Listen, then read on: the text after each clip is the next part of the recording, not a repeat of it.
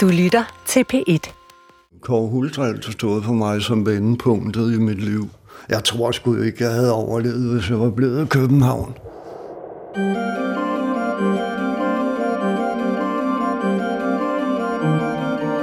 Det her er historien om en koloni af danskere, der i 1970'erne forsøgte at gøre en drøm om frihed til virkelighed dybt inde i de svenske skove i Småland. Jeg hedder Simon Moser, og jeg blev født ind i danskerkolonien. Og i serien her forsøger jeg at få styr på noget, jeg aldrig rigtig har forstået. Min barndom. Og jeg hedder Emil Rothstein Christensen, og jeg er med til at fortælle den her dansk-svenske historie sammen med Simon. Som du hørte i den sidste episode, begyndte danskerne i skoven at få narkomaner fra København i pleje på grund af pengemangel. Det kommer flere og flere til, men det kommer også folk med tidens politiske idéer, som fælleseje og flad struktur. Men det skal vise sig at splitte forholdet mellem nogle af beboerne i kolonien. Vi er nået til tredje episode, og den har vi valgt at kalde for Pigtråd i Syregaden.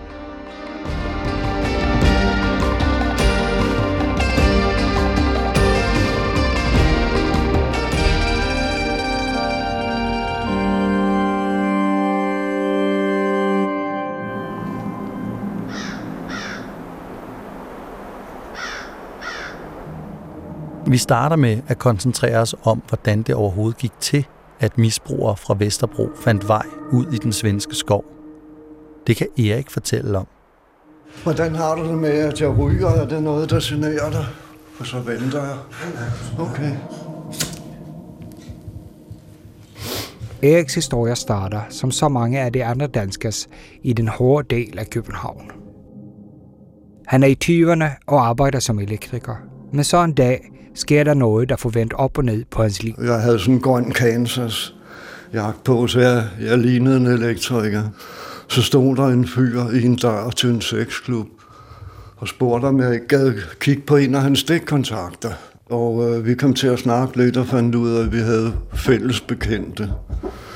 Og så gik der lidt tid, så var jeg medejer af en pornoklub og en øh, forretning også.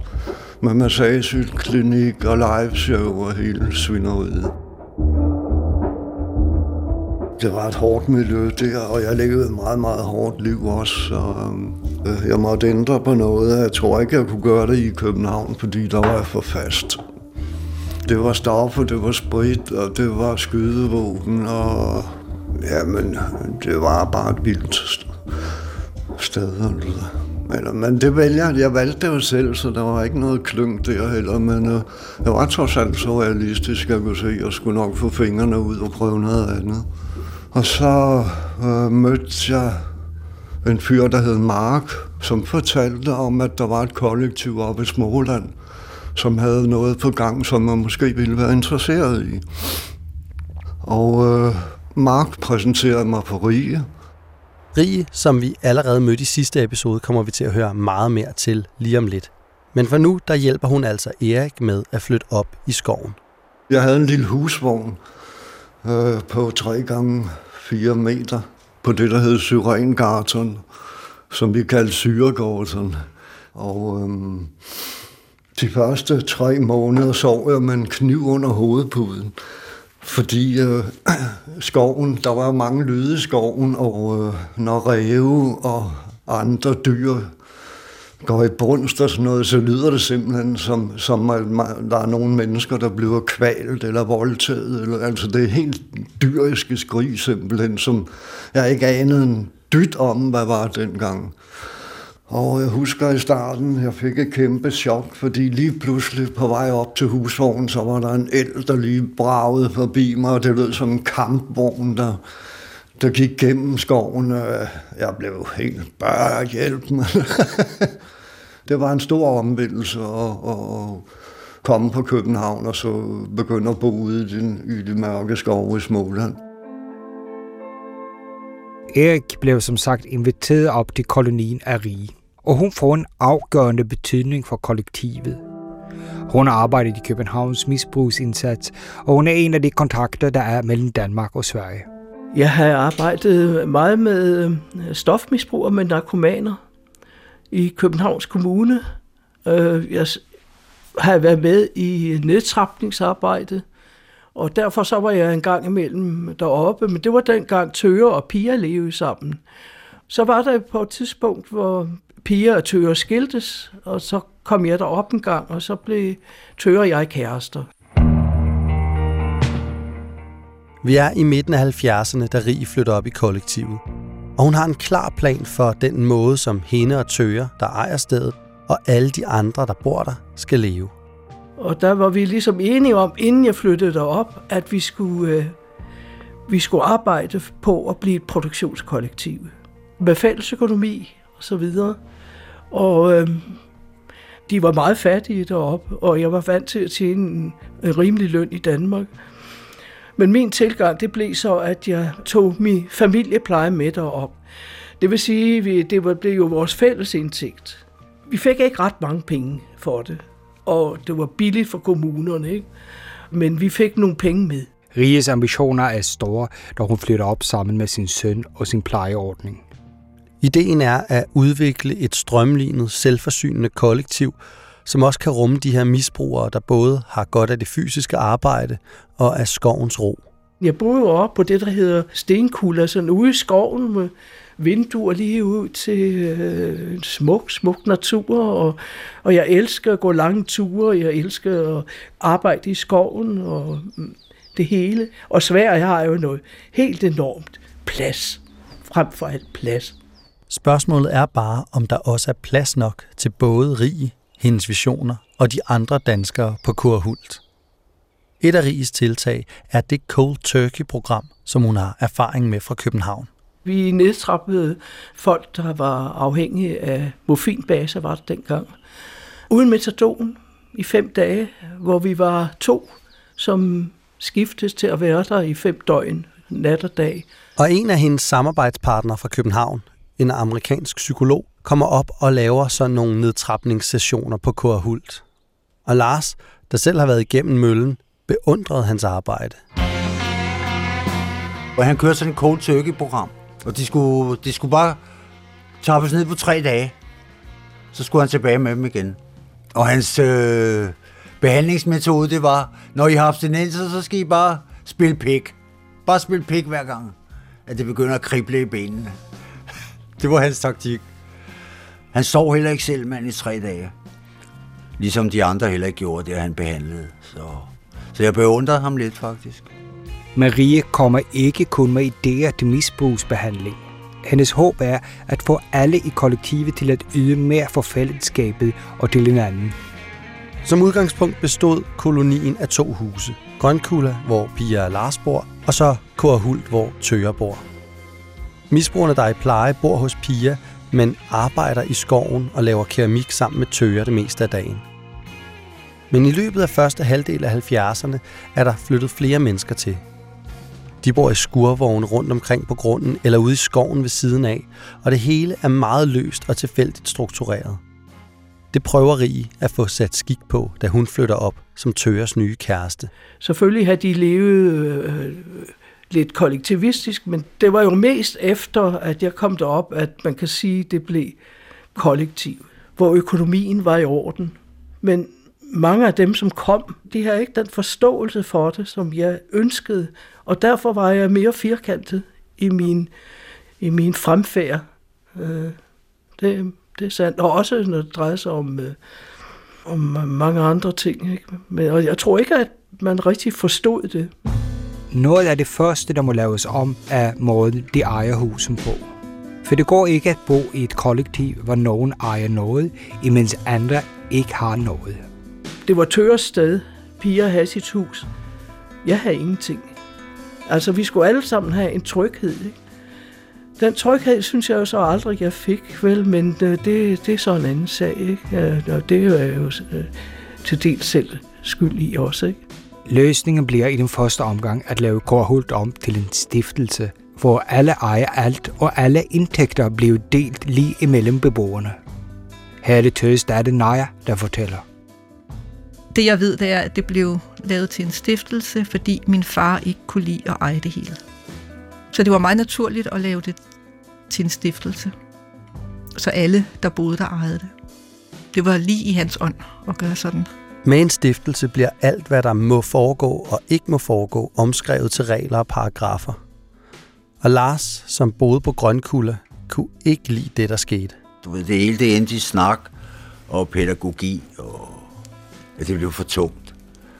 At det ikke bare kunne have det der flow, vi havde ikke før, hvor vi bare fik gjort masser af ting alligevel, uden at diskutere det helt ned til, til sokkerne. Du ved. Og Grønkulla, et par hundrede meter op i skoven, hvor Pia og Lars bor sammen med et par andre voksne og deres børn, er ikke heller en del af den nye stiftelse.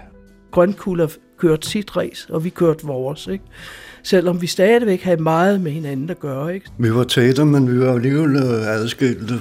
Så vores forhold til grønkugler, det, det, var, det var nogle dejlige, søde mennesker, som vi havde meget til fælles med.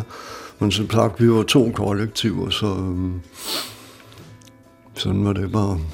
Da Rig flytter til Kårhult, begynder der at komme flere misbrugere op. Og som tidligere professionel er det vigtigt for hende med klare regler og struktur i tilgangen til de her mennesker. De skal deltage i fællesskabet og arbejde på lige fod med alle andre. Og så er der en nul-tolerance-politik i forhold til stoffer. Og det virkede. Der var forholdsvis mange af dem, altså af narkomanerne, der var i pleje hos os, der blev clean. Den procentdel, der blev clean, var ret høj. På Grønkulla, som egentlig er det sted, hvor man startede med at tage folk i pleje, fortsætter man også med at tage misbrugere ind. Men her er det slet ikke så mange regler. Altså behandlingen var bare, at vi var så naturale. Men de fik en god gang kærlighed. Det, det, er, jo, det er jo det eneste, der gælder. Man. Folk, de, de kunne bare være der, så kunne de flyde ind, og så facede de sig selv. Og så havde man jo selvfølgelig naturlige samtaler, ikke? som dukkede op bare.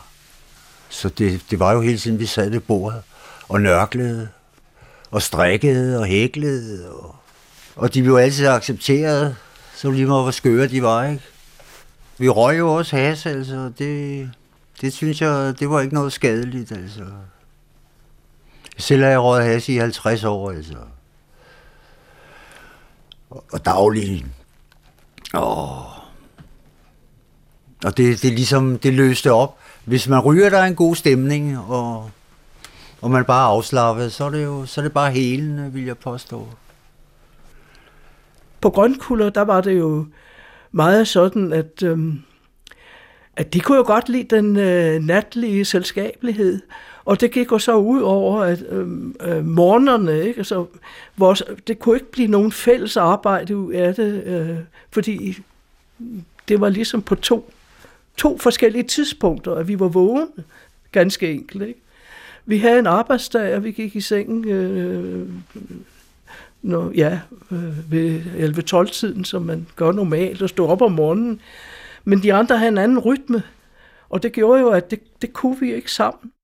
Imens fællesskabet i kolonien er ved at slå sprækker, kommer der hele tiden nye misbrugere til. Nogle bliver clean og ser muligheden for et nyt liv. Andre forsvinder hurtigt tilbage til storbyen og narkoen. En af dem, der blev i længere tid, var en fyr ved navn Halvor. Hans skæbne bliver på en måde et forvarsel om, hvad der kommer til at ske med kolonien.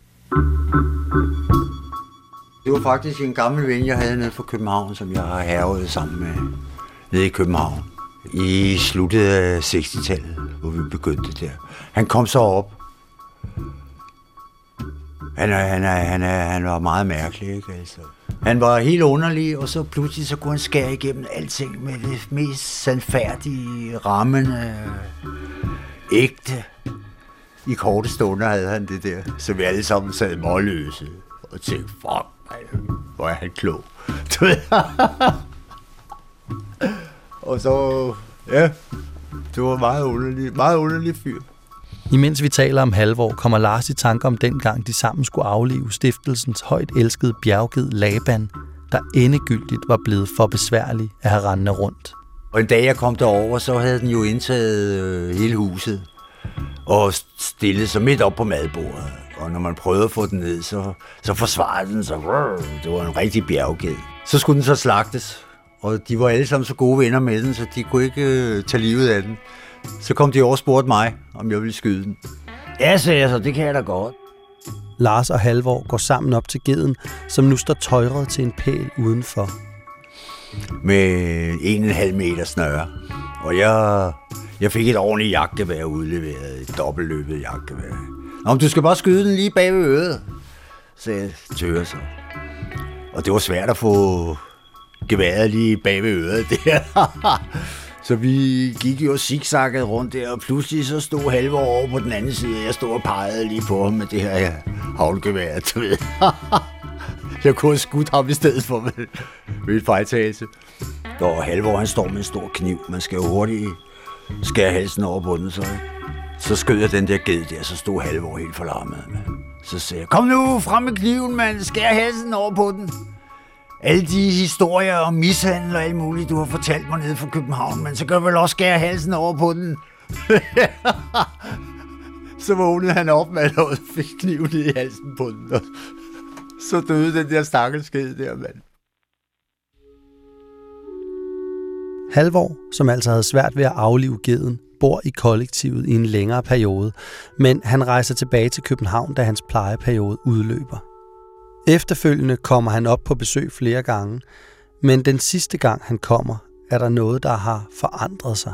Han havde enormt langt hår og skæg, og så kom han tilbage helt veldresseret, og han prøvede virkelig at ændre sit liv.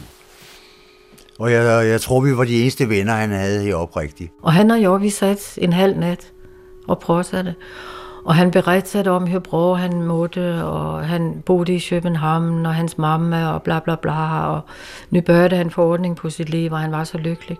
Pia og de andre danskere går glade i seng, men da de står op næste dag... Så hænger Halvor ud i træet og hænger sig selv. Ej, det var ikke sjovt. Jeg så ham aldrig, de havde allerede sendt ham afsted. Men jeg tror, han havde bestemt sig, at han skulle komme tilbage og hænge sig blandt nogle venner, som skulle finde ham. Og jeg er taksom for, for, for at han gjorde det på et sæt. Jeg så det som, at han gav os nogle ting. Et fortroende. Det var her, jeg var tryg. Det var her, jeg tykte om at være. Hanne, som er en halvvoksen pige på det her tidspunkt, har en lidt anden version af, hvorfor Halvor hængte sig i et træ lige ved den mest befærdede sti på Kårhult. Halvor var færdigbehandlet och kom upp och hälsade på. Och förväntade sig lite att komma tillbaka till samma. Men då hade det ju kommit nya människor dit så, som var i vård.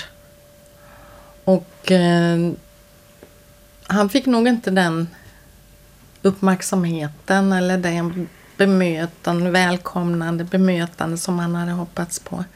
Hun tolker det sådan, at Halvor havde forventet en varmere velkomst at han ville blive modtaget og værdsat på samme måde som dengang han var i familiepleje. Men der var kommet nye misbrugere til, og han fik ikke den opmærksomhed, han havde håbet på. Han var jo verkligen exemplet på at alla var inte välkomna. Man kunde inte vara hur som helst, när som helst ändå. Det, mener Hanne, er et eksempel på, at alle ikke var lige velkomne i kolonien. Kårhul har ændret sig. Stemningen er ikke den samme, og flere af de danske kæmper med at føle sig tilpas i skoven, som ellers skulle kunne rymme alle.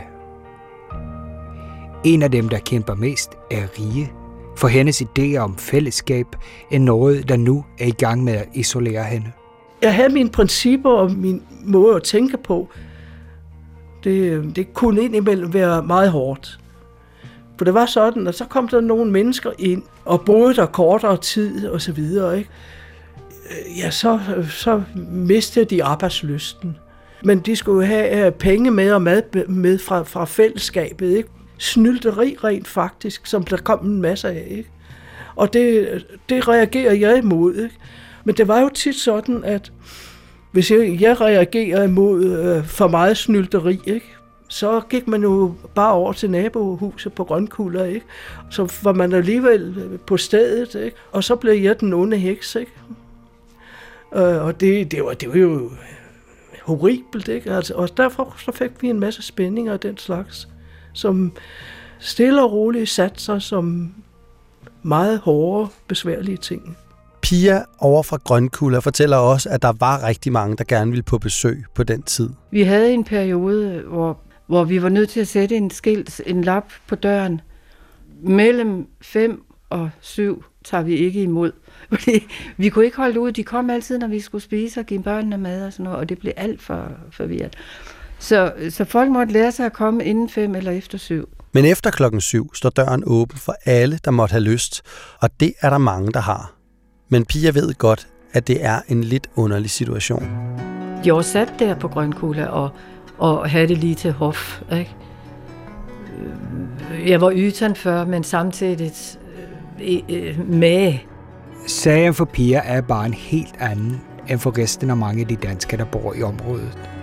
Hun er på det nærmeste en hjemmegående husmor og bruger det meste af dagen til at passe sin handicappede datter Sofie i den lydløse verden, der omgiver hende. Det var så tyst. Inger Jøde. Alt hvad som hente, det skulle jeg også se til, at det hente, og det blev for mørket. Jeg var vel lige så åbent på alle de andre, som for rundt og, og lekte kollektiv, og så satte jeg der og var mamma. Ikke? Bora mamma. Et stort bryst kändes det som. Ikke? Og så tykte jeg, at det var jätteroligt, at folk kom på kvällen, og jeg gjorde te, og, og vi pratade, og vi skrattade, og vi spillede musik. Og det var ikke for, at vi satte og pratade rundt om Rie, vel? men det kunne jo inte hun vide. Og det gjorde vi kanskje også ibland, ikke? når det var anledning, når det havde hent nogle ting. Ikke? Men for det meste, så var det jo bare for at omgås og, og have trevligt.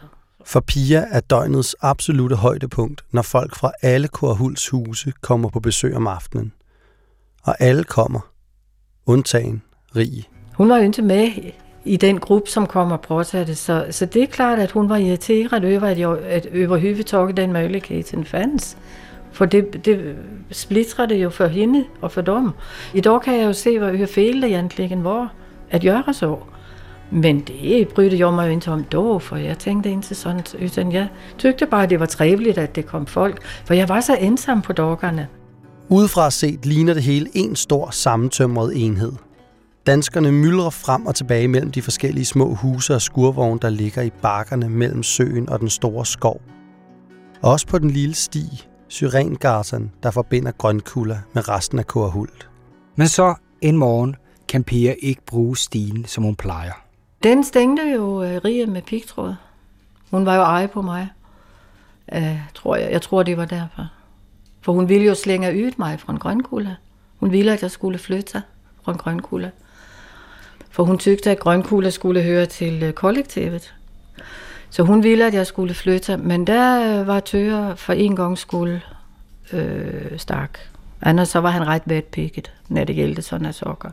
Der var han stak og så, at øh, om indtil jeg ville flytte, så behøvede han ikke gøre det. Men då var det jo vældig koldt mellem Rie og mig i en periode. Senere, senere har vi blivet venner igen.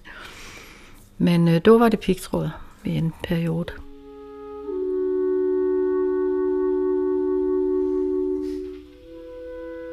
Tøs plan om at skabe et sted i skoven med plads til alle har begyndt at krakelere. Og måske har han så også selv, koloniens store pioner og samlingspunkt, været med til at komplicere tingene.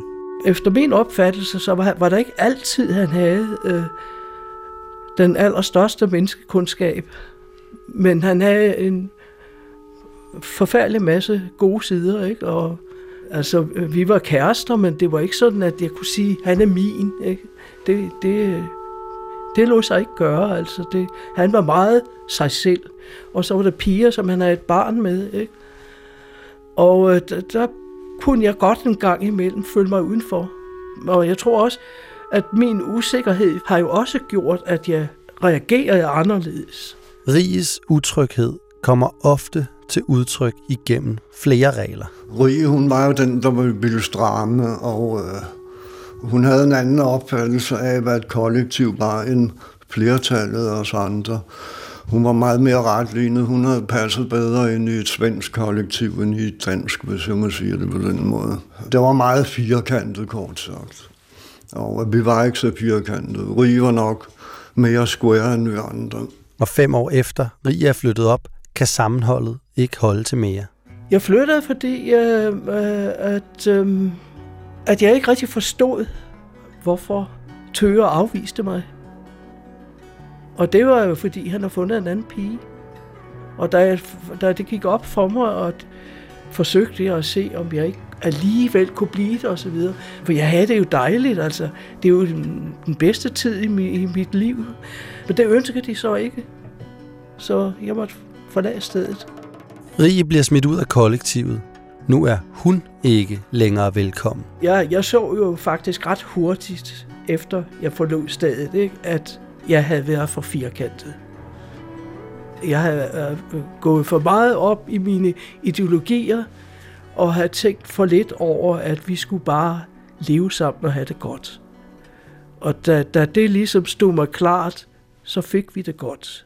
Jeg lærte meget af de fem år. Virkelig meget. Rie flytter væk fra Korhult i 1980. Men et par år forinden, midt i den her meget kaotiske tid, kommer der endnu en dansk narkoman til Sverige. Han hedder John, og John, det er min far. Enten skulle jeg øh, køre med op til Sverige, eller også skulle jeg øh, få legal øh, metadon eller morfin. Og det tog jeg ikke. Så det, der, så var der ikke så meget vælge på. Min far blev sendt til Grønkuller som et sidste forsøg at blive clean. For han misbrugte alt, især heroin. I skoven håber de danske myndigheder på, at han er beskyttet fra storbyens narkotikafristelser. Men sådan er det ikke helt. Du har lyttet til Kolonien. Mit navn er Emil Rothstein Christensen. Og jeg hedder Simon Moser.